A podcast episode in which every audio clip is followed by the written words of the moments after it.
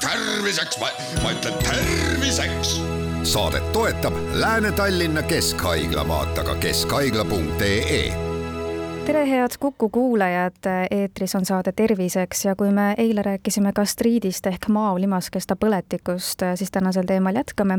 mina olen Ingela Virkus ja koos minuga on stuudios Lääne-Tallinna Keskhaigla endoskoopia osakonna ülemarst doktor Külliki Suurma, tere taas! tere! Me rääkisime eelmises saates, et gastriit võib olla äge ja krooniline mm, -hmm. et mhm. mis hetkest see äge gastriit krooniliseks muutuda võib? No ilmselt ta muutub siis, kui need ägenemisi on mitmeid, et mitte üks kord ei ole, kas siis me nagu eelmine kord rääkisime, et põhjuseks võivad olla teinekord ravimid, alkohol, see võib olla isegi väga tõsine teinekord, see äge gastriit, ta võib lõppeda isegi verejooksuga, me oleme ju näinud haiglas selliseid situatsioone, aga kui meil on nüüd see, ütleme, see helikobakteri infektsioon, mida me nagu võib-olla isegi ei tea, siis see vaikselt kulgeb aastaid ja siis on olemas teatud etapid. Kui ta on ravimata, siis äh, kõigepealt on selline kui me nüüd räägime histoloogiliselt, kui me nüüd oleme näiteks uurinud haiget, siis äh, patoloog ütleb mulle, et on, temal on näiteks krooniline pindmine gastriit, siis protsess on alles äh, niisugune kerge vorm, eks ole, lihtsamalt öeldes. kui nüüd läheb aeg edasi ja haige on ikka helikobakteri noh, ei ole välja ravitud, siis ta juba areneb edasi, see gastriit, eks ole, siis on ta juba atroofiline. mis tähendab atroofiline, see tähendab seda, et maolimas, kes muutub, see helikobakteril on võime, ta eritab ureaasi ja äh, selle läbi ta muudab nagu limaskesta. tal on selline võime olemas äh, ja ühesõnaga siis äh, järgneb sellele niisugune krooniline atroofiline gastriit, ta võib olla siis kas antrumis, ta võib olla ka korpuses maoosas, võimalik, et tänapäeval isegi teatakse erinevaid vorme, helikobakteri vorme.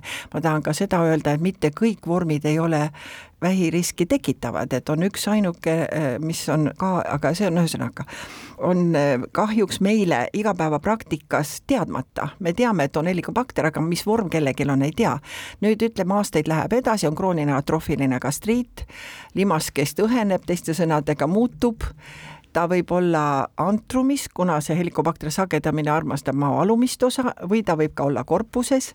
nüüd, kui on tegemist äh, korpuse gastriidiga, antrumi gastriidiga, see muutub nagu tõsisemaks probleemiks, see võib olla ka teinekord riskiks tõesti halvematele haigustele, aga siis, eh, kui edasi areneb, siis tekib sooletüüpi muutus ja nii edasi, need, need on etapid, eh, kuhu ta liigub ja düsplaasia on siis lõppstaadiumis. aga kõik kulgeb väga aeglaselt ja see protsess kestab kaua, nii et selles mõttes nagu kartma ka ei pea midagi, seda annab kõike äh, ravida ja vaadata. aga siis ma võib-olla unustasin ka seda öelda, et, et kui me räägime kroonilisest veel, et peale selle, et on see helikobakteri põhjus, on olemas ka autoimmuun autoimmuunse maohaigused. et autoimmuunne gastriit on olemas üks diagnoos, nimetame aneemia pernitsiosa, kui on tegemist ka korpusatroofiga ja B kaksteist vitamiin ei imendu ja inimesel tekib see aneemia pernitsiosa. no seda haiget peab kindlasti jälgima see on ka jälle riskigrupis. sageli näeme vanadel inimestel, haige tuleb vana inimene vastu võtta, see on nagu ootamatu, mis tal on aneemia miks hemoglobiin madal ja siis hakkad uurima ja siis selgubki, et tal ongi see haigus. nii et on olemas ka sellised variandid veel jah, et peale selle bakteri ja muidugi äh, stress ja, ja ka ravimid veel kord, ka kroonilise, me nimetame teinekord äh, niisugune, tõesti, ma näen mõnikord haigeid, kes kasutavad väga palju neid liigese äh, põletikuvastaseid preparaate, et neil tekivad need erosiivsed gastriidid ja see on ravimitest tingitud et äh, inimesed elavad vanaks tänapäeval ja me teame seda, et paljud ravimid omavad kõrvaltoimeid ja mida asi, aeg edasi läheb, seda rohkem me saame teada. ja mitte lihtsalt ei mõju limaskesta, vaid nad mõjutavad ka inimese mikrobiomi.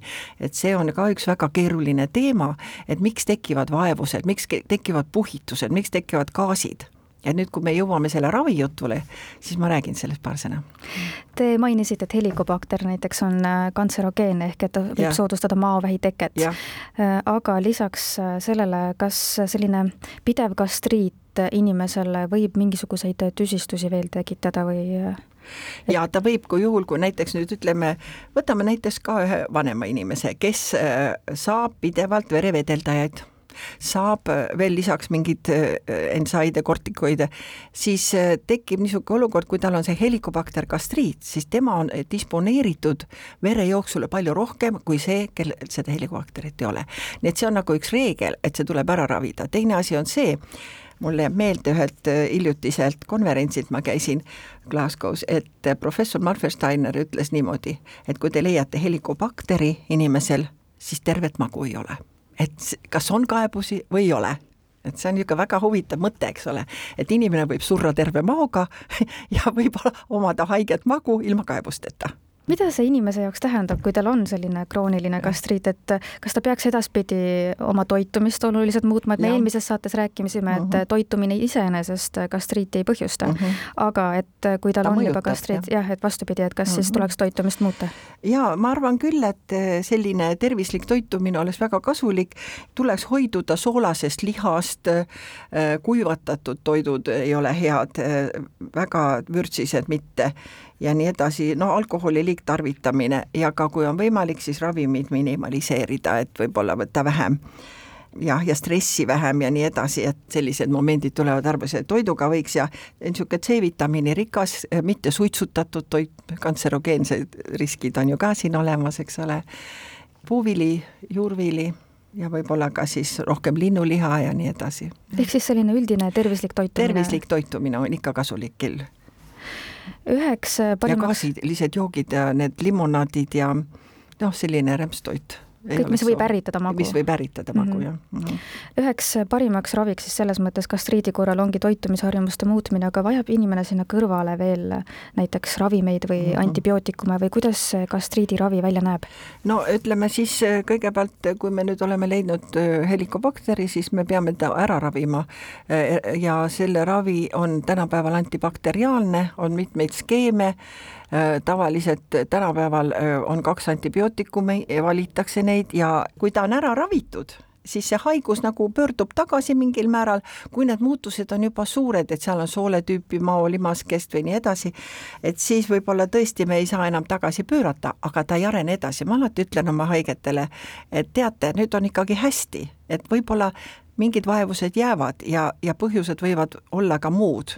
et siis äh, see nagu rõõmustab inimest, sa pead talle mingi otsuse andma, eks ole, arst peab ikka otsuse andma kas siin ei või tekkida mingi selline eh, nokk kinni, saba lahti efekt, et ühest küljest ravimid ja selline üleannustamine võib just magu kurnata ja seda gastriiti tekitada, aga samal ajal siis gastriidi raviks võtad eh, veel ja. ravimeid juurde? ja see tundub küll niimoodi, et väga raske ravi ja haiged helistavad, et mõru maitse suus ja kõht on lahti. no oleme juurde soovitanud veel probiootikume võtta ja alati ütlen, et kannatame nüüd selle kaks nädalat ära, vahest juhtub nii, et see ei ravi ära, et teed kontrolli ja ikkagi helikobakter on alles alles, aga siis, siis on veel järgmine raviskeem ja järgmine, no mõni üksikjuhtudel on nii, et ei, ei saagi ravitulemust ei tea, miks, aga nii on. arvatakse, et neid tüvesid on rohkem või midagi seal on, mida me veel ei tea täpselt.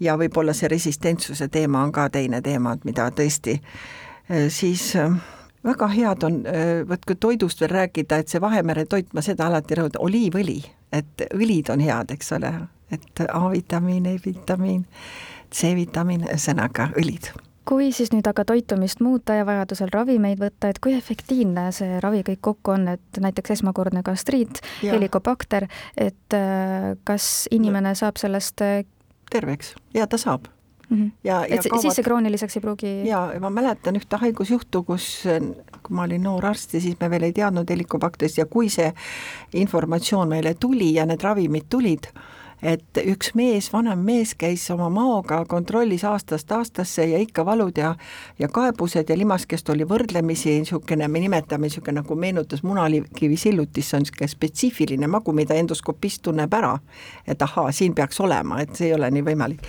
siis, siis pärast seda kolmikravi, mis ma tegin, tookord oli seitse päeva ainult ja ta tuli mõne aja pärast kontrolli, ma ei tundnud seda magu ära. ja see ei olnud seesama mees, ma ütlesin, et ikka sama mees on ja, ja aga mul oli ikka see magu silmade ees, et et ikka efekt ja paranemine on väga-väga suur aga lõpetuseks, äh, saab gastriiti kuidagi ennetada, et kui saab, siis äh, Jaa. mida tuleks juba kohe täna võib-olla kas siis muuta oma söömises või elustiili no, harjumustes? ägeda suhtes on lihtne, et, et äh, tervislikud eluviisid, kõike võib elus teha, võib ka veini võtta, aga kõike mõõdukalt, eks ole. ja suitsetamine tõesti ei ole kasulik tegevus absoluutselt, ega joomine ka muidugi mitte, aga ma ei taha öelda, et me peame päris niimoodi mungaelu elama, eks ole. aga teisest küljest võttes jah, vot selle helikobakteriga ma arvan, et see on, kui meie ühiskond ja kõik nagu edasi läheb ja areneb ja kuna meil on väga puhas juba kõik, et see nagu ikka vist äh, ka reaalne, et hakkab vähenema ajas loodame, aitäh teile ja. saatesse tulemast ja nõu andmast, Lääne-Tallinna Keskhaigla endoskoopia osakonna ülemarst doktor Külliki Suurmaa ning palju jõudu ja jaksu teile! suur tänu kutsumast!